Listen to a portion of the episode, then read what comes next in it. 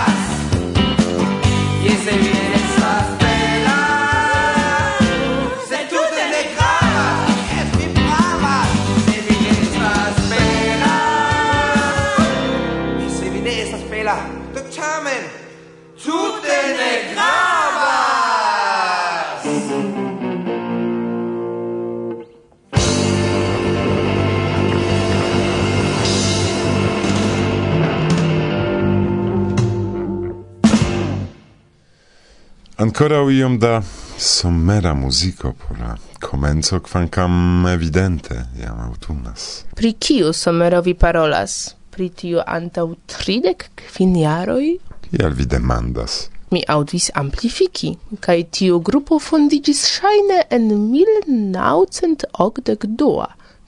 Ne, ne, nostalgie mi pensis pri tiu ci somero kiu pasis, jus kial do vi ne prezentis ion pli aktualan? Ĉar fakte estas kialo. Mm, matene mi ricevis informon de Vinil Cosmo pri apero de bitigita enhavo de la unua kasedo de amplifiki, kiu aperis en 1986.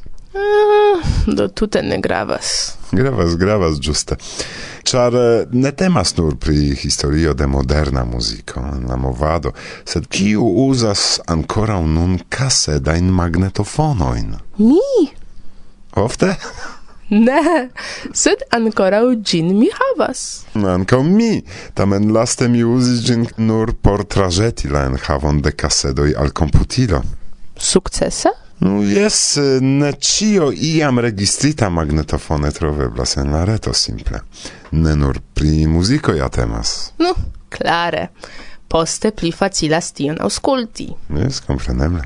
Do, mi por auscultado de muziko kaj ankaŭ la elsendoj uzas nun preskaŭ nur ap telefonon. Kaj ne nur vi, imagu, ne nur vi. Do uh, tiu iam tre fama unua kasedo de amplifiki, kiu malfermis tute alian epokon en penso pri la muziko en nia movado, ĉar la cantoi creitai estis cae cantitai de la iunularo esperantista, egde nun ausculteblas ancau pere de app telefonoi imago cae en tre tre bona qualito. Wow! Ĉu ni rakontu iom pri amplifiki por tiuj, kiuj ne scias pri kio temas? Mm, ne, ne necesas. Tiuj, kiuj ne multe scias, kaj mi supozas, ke ne estas multaj, eh, simple klaku ligilojn. Kiuj troveblas en priskribo de nia programo. Aŭ aŭskultu prezentita iam iam intervjuojn, materialojn. Inter alie kun membroj de Amplifiki, kiuj renkontiĝis post jaroj dum la IOFO en Italio. Ĝuste. Yes.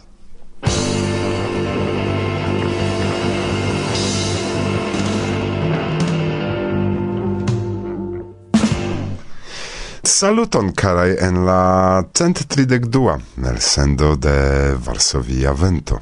Saluton al vi ciui, kiui longe attendis nian novan programon. Longe, longe, longe, sed ancau ni de tempo al tempo devas riposi. Compreneble. Ju pli des pli, dum la somera tempo estas multe pli da aliei interesaj aferoj ol auscultado de radio programoj. Ču? Mhm, mm. Do, kion vi prezentos por la komenco de la nova elsendojaro? Certe kelkajn renkonti joy, kiu estis registritaj laste dum la artai konfrontoj en Esperanto, Arcones. Hm, mi ne povis gin partopreni bedaurinde. Mm tiui kiu iam visitis al sen dube havis plezuron koni Paweł Janowczyk, kiu estis ne nur czef organizanto, set ancau coro de la evento. Paweł mortis subite comence de la jaro, kai post estis multai demandoi, ciu Arcones de novo okazos. Tamen okazis. Jes, okazis, kai pri tio racontas al vi en ciel sendo Ela kai tobias kiui estis en la organizata amo. Sed compreneble, ne nur pri racones vi auscultos hodiau. Ne nur. Katalin racontos al vi pri sia curagia pilgrimado, prescau circau tuta Nederlando. Amuzajn fotojn pri la aventuro vi povas vidi ĉe ŝia moro en Facebook. Musiche ni rencontigios con Georgo Handlik kai lia filino Dominika Beza kai kun dexes jara jogaile el Litovio. Povilas Jegorovas la coro de la Litova movado invitos vin alla venant jara bet. La Baltai au Baltiai Esperanto tagoi. Silvia interparolos kun Johano Patcher kaj Ilona Kutny kai inter tio cio, krom muziko, aperos compreneble la angulai rencontigioi. Kun Istvan Erd, kai qui estas tute nova, kun Guillaume kai Nicolao Dols. Mem vi audos pri kio temas. Sed nun... Nun... Ni invitas vin al speciala mikrofona rencontigio. Kun unu el la plei signifai activuloi de la movado en Polando kies vocion ŝajne multaj el vi bone konas. Pro agado en la redakcio de la Pola Radio. Saluton, Andreo, char ni scias, ke vi aŭskultas tiun ĉi elsendon. Kaj dankon pro tiu charma renkontiĝo ankaŭ al vi, signorino Hanna. Kaj pro la libroj, revuoj, kiujn al ni vi donacis. Kaj pro tio ke vi estas. Jes, ke vi estas. Zorgu do pri via sano, kara Andreo. Zorgu, char ni shatus de nove mikrofone renkontigi kun vi. Ne nur, char Milanovek estas aparte bela. Ne nur. Do la cent tridek dua, nel sendo de Varsovia vento. Bonan. Auskultadon. Karaj. Bla, bla. Bla. Varso via vento, la podcasto mia ciam bona momento. Varso via vento, la orgasmo radia mi ne havas tro.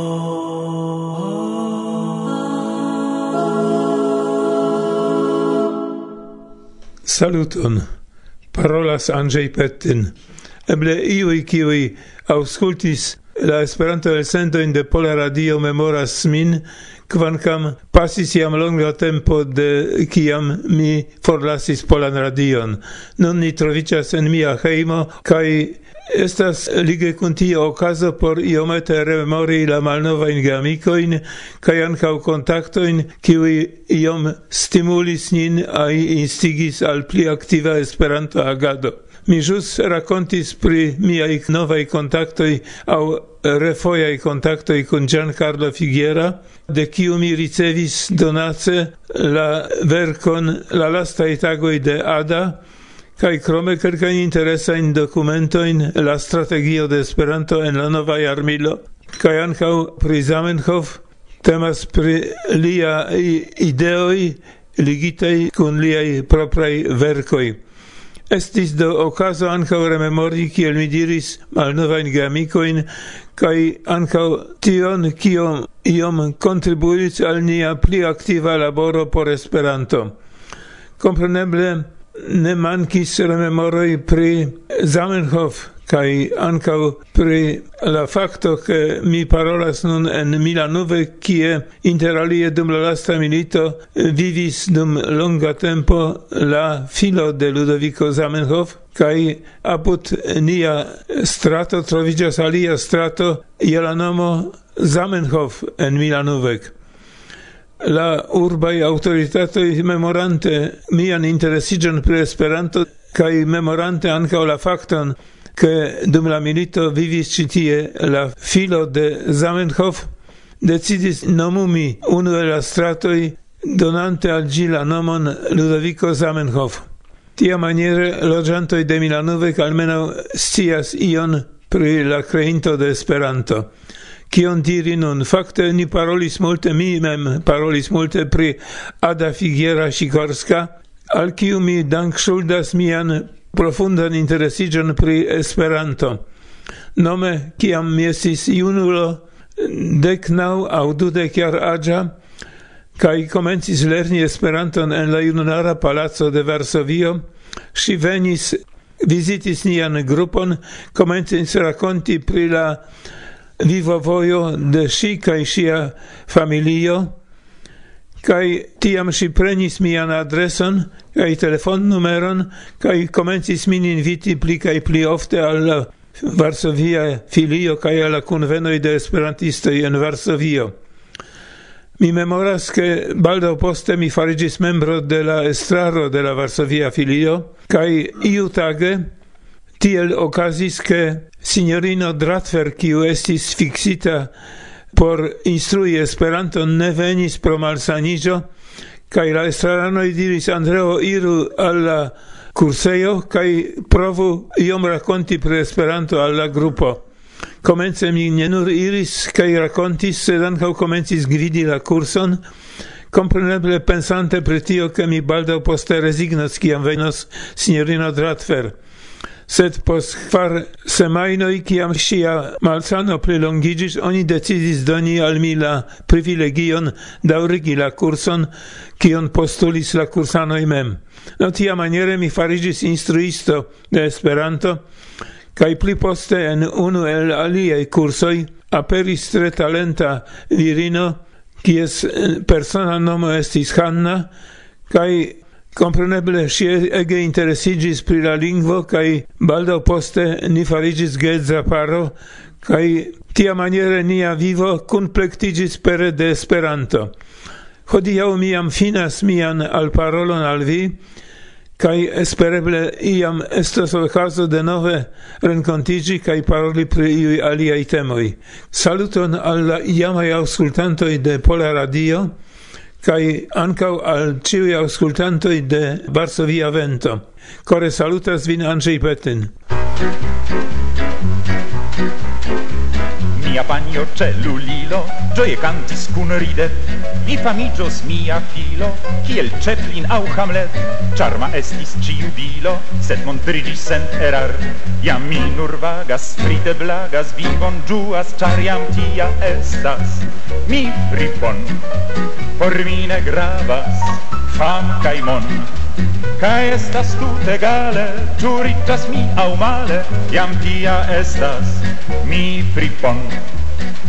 Mia charma familio, cefe avo cae onklin, diras nur cun ironio, ke prison attendas min, sed mi trincas kod viscion, cae konfesas sen envi, ke sen grimaco mi donazos ilin tuj al via tia estas mi fripon. Forine gravas fan kaj mon. Ca estas tut egale tu ricas mi au male iam tia estas mi fripon.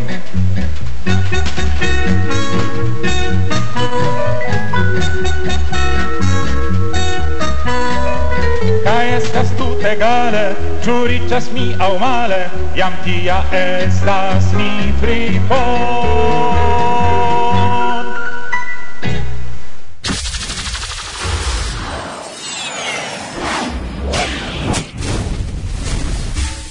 Saluton! Mi estas Agnieszka, kaj nun mi invitas vin al angulo de Istvan Ertl. Tiel la mondo sin chargas. Temas pri chargio mensa. Se vi pensas che mi celas nuran metaforon, figuran esprimon, vi eraras. Anca mi longe tiel pensis, gis mia edzino afable, plurfoie clarigis al mi pri cio temas. En classicae familimodeloi la viroi iris chassi mamutoen, cae la virinoi vartis la faeron en la grotoi por iomete troigi la situacion. En postae epocoi, la distribuo de la tascoi restis sama. La pangainanto plei ofte estis la viro, dum la edzino rolis kiel heim faristo, por usi usonan terminon. Dum progressis la ideo pri egaraiteco, ciam pli ofte ambau duonoi de la tradizia paro laboris exter heime, sed la heima activado de la viroi nur iom post iom crescis, cae cutime ec hodiau ne egalas tiun de la partnerino. Tamen, ec ciam la disdivido de la tascoi igis pli equilibra, la mensa chargio tipe restis sur la virino. Mensa saggio, pri kio temas? Dum mia edzino vivis, mi obee sekvis siain petoin, sugestoin cae ideoin. Ideoin per la heimae farendajoi mi mem havis malmultain, sed tio ne gravis, char Fabien, mia edzino, comandis. Si havis en sia capo completan bildon per la stato de la heimo, cae ancau agendon per la farendajoi tiel miai proprae contribuoi alla bona stato de nia domo, malpenigi rubuioin, pendigi vestajoin por sekigo, polvo suci, cotopo, cio tio igis puzleroi la granda puzlo de la ciutagai ordo cae bon stato. Nun tamen, restinte sola, mi comprenas che ec se iu zorgas en meti duonon de ciui puzleroi en la giustan locon, zorgi pri la alia duono plus pri la harmonio de la tuta puzlo estas compare multe pli granda tasco. Kai tiu pluso, tiu pluso estas la mensa chargio. Aro da ideetoj kiuj neniam forlasu vian cerbon, char alie la ordinara ordo de via domo comensos disfali. Honoron al ciui, kiui sursultrigas ene de la familioi citiun tascon, sed precipe ni trovu manieron, dum tio eblas, egale distribui la mensan chargion, la pensan peson.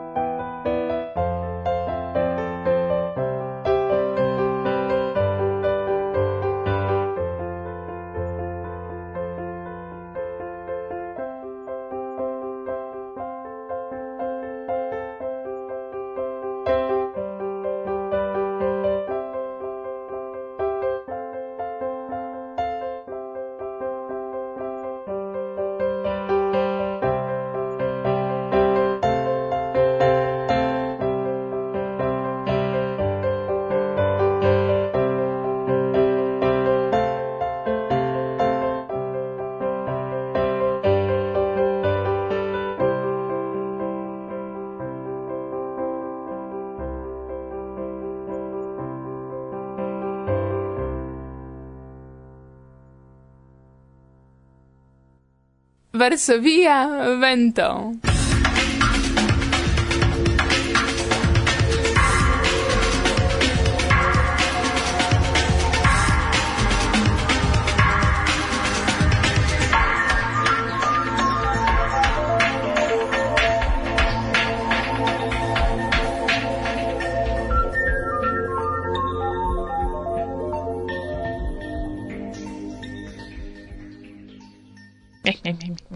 Varsovia vento el sendoi.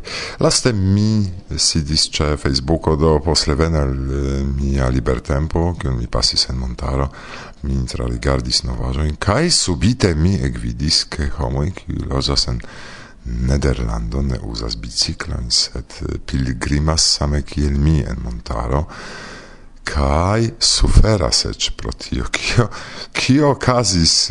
Do antau mi sidas saluto in al ciui kai dankon pro la eblo rakonti irek. Mi estas katalin de edukado net kai de akuzativo cune kai pri mi vi nun disvastigas la informojn krom Facebook ke mi marshadis virino pli ol sesdekjara kiu ciam sidis ce la computilo, marsis nur maximume gis la bus haltejo, ec tion ne cun dorso saco, havas la ideon fari grandan marŝadon de pli ol cent kilometroi, kiu farigis cent kvindek kilometroi. Mi ne supposis che oni povas tiel frenesigi che circa iri tutan regionon per piede kai montri foto in kiam vi presca morta. Sur genuoi iras quasi auti quasi auti pilgrimante al Częstochowo hela urbo en eh, Polando ĉu ne homoj marŝas tutan landon jes kaj subite Katalin decidis kun la edzo circauiri Nederlandon presco.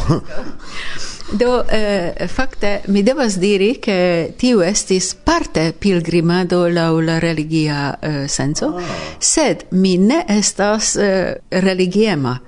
Tamen mi sercis eh, fizikan defion, ion tian, eh, biciclado ne estas conforta por la malantaua parto de la corpo, do la piedoi pli eltenas, sed Kiam mi atingis sesdec, kai mia sano ne estas tute bona, mi volis confrontigi kun miai proprae limoi, fisicae limoi. La mensae miam sias, sed vidi fisice kiom longe mia corpo povas resisti kai kiel mi povas devigi la corpon kai mi devis eh, anko testi mian etson kai lian corpon kai lian fortoi Kiu havis tiun frenezan ideon? Starti foriri de la hejmo kaj lasu ni ĉion kaj iru ĉirkaŭ kiu? Compreneble mi. Li sportas ciu tage, li nagas prescau ciu matene, cae gimnastikas, cae do li, li estas base sportema, sed ne mesuras. Mi havas, kiel vi vidas, pas calculilon, cae mi mesuras cion, mi estas matematicisto, mi faras ion por vidi kiom da.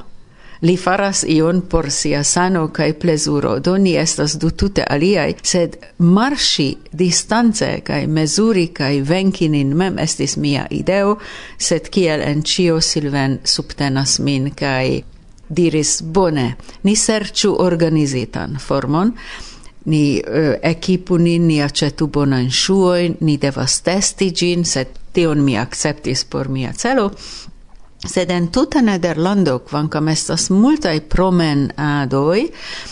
unu tagai ni sercis ion kie ni ne povas perdigi kai povas iri unu post la alia ni trovis la unu sola nederlandan pilgrim vojon grandan itineron bonege documentitan kai gi estas circau Neimehen estas la plei malnova urbo en la orienta parto conata urbo, cetio fine ne gravis kiom conata kiom granda, char la itinero iris circa Nijmegen kaj eĉ transiris al Germanio. Nederlando estas extreme plata, tial oni biciklas, do mi ne atendis nivel distancon, sed kiam oni sendis nin al Germanio, do ni havis tamen ducent metran um, nivel distancon kiu daure zigzage varis, sed ni trovis tiun voc of wisdom. Do la pasado de la saggio au saggezzo kai ni volis esti ne nur lacai sed saggiai do ni aligis informigis kai eh, oni povas fari gin kiam ein estas itinero estas libro kun clarigoi atentigoi estas halteioi kie vi povas ricevi ringeton. Do iom infanece sed gi stimulis nin divers colorain, oni donis consiloin kie ni povas trovi tranocteion, sed ni devis antaue plani. La itinero estis centridec uh, eh, sep kilometroin longa, kai oni consila sep tagan promenadon, dec sep kilometroi, dudek du, pli mal pli tiel, sed ni ne havis sep tagoin, do ni iris, kai mi diris, unu antago ni comencis tag mese, do iam perdigis duono, sed nit faris pli ol dek ol la unua, kai poste mi volis pli fari, kaj ni planis du tagoin. Char ni pensis che ni mortos je la dua tago pli mal pli, do sed tamen la vestaĵoj estis taŭgaj por eventuale fari tri tagoin kai ni konis esperantistoin en la urbo do ni lasis nian auton tie kai ni havis ilian telefonnumero do fakte estis eh, Mariam relative nova esperantistino de edukado net kiu instruas.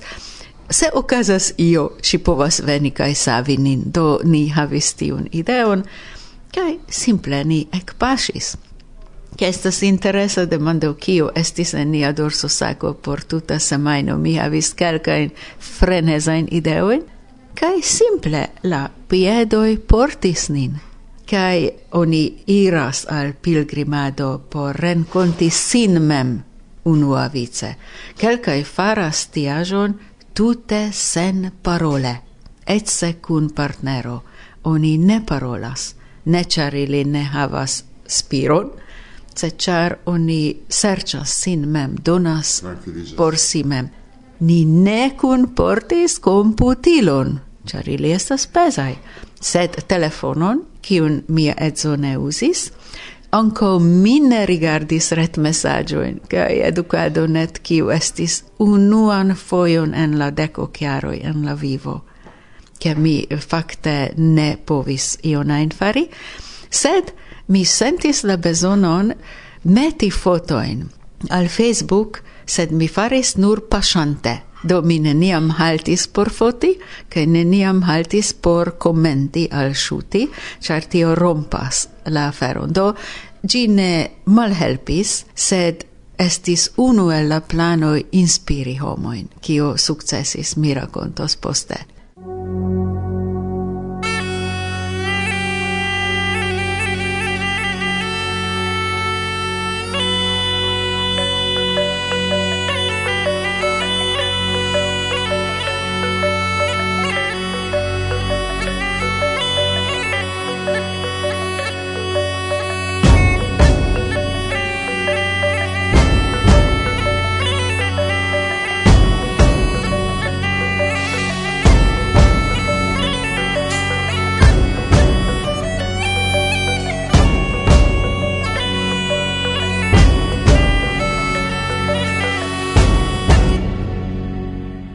Varsovia via vento. Bla, bla, bla.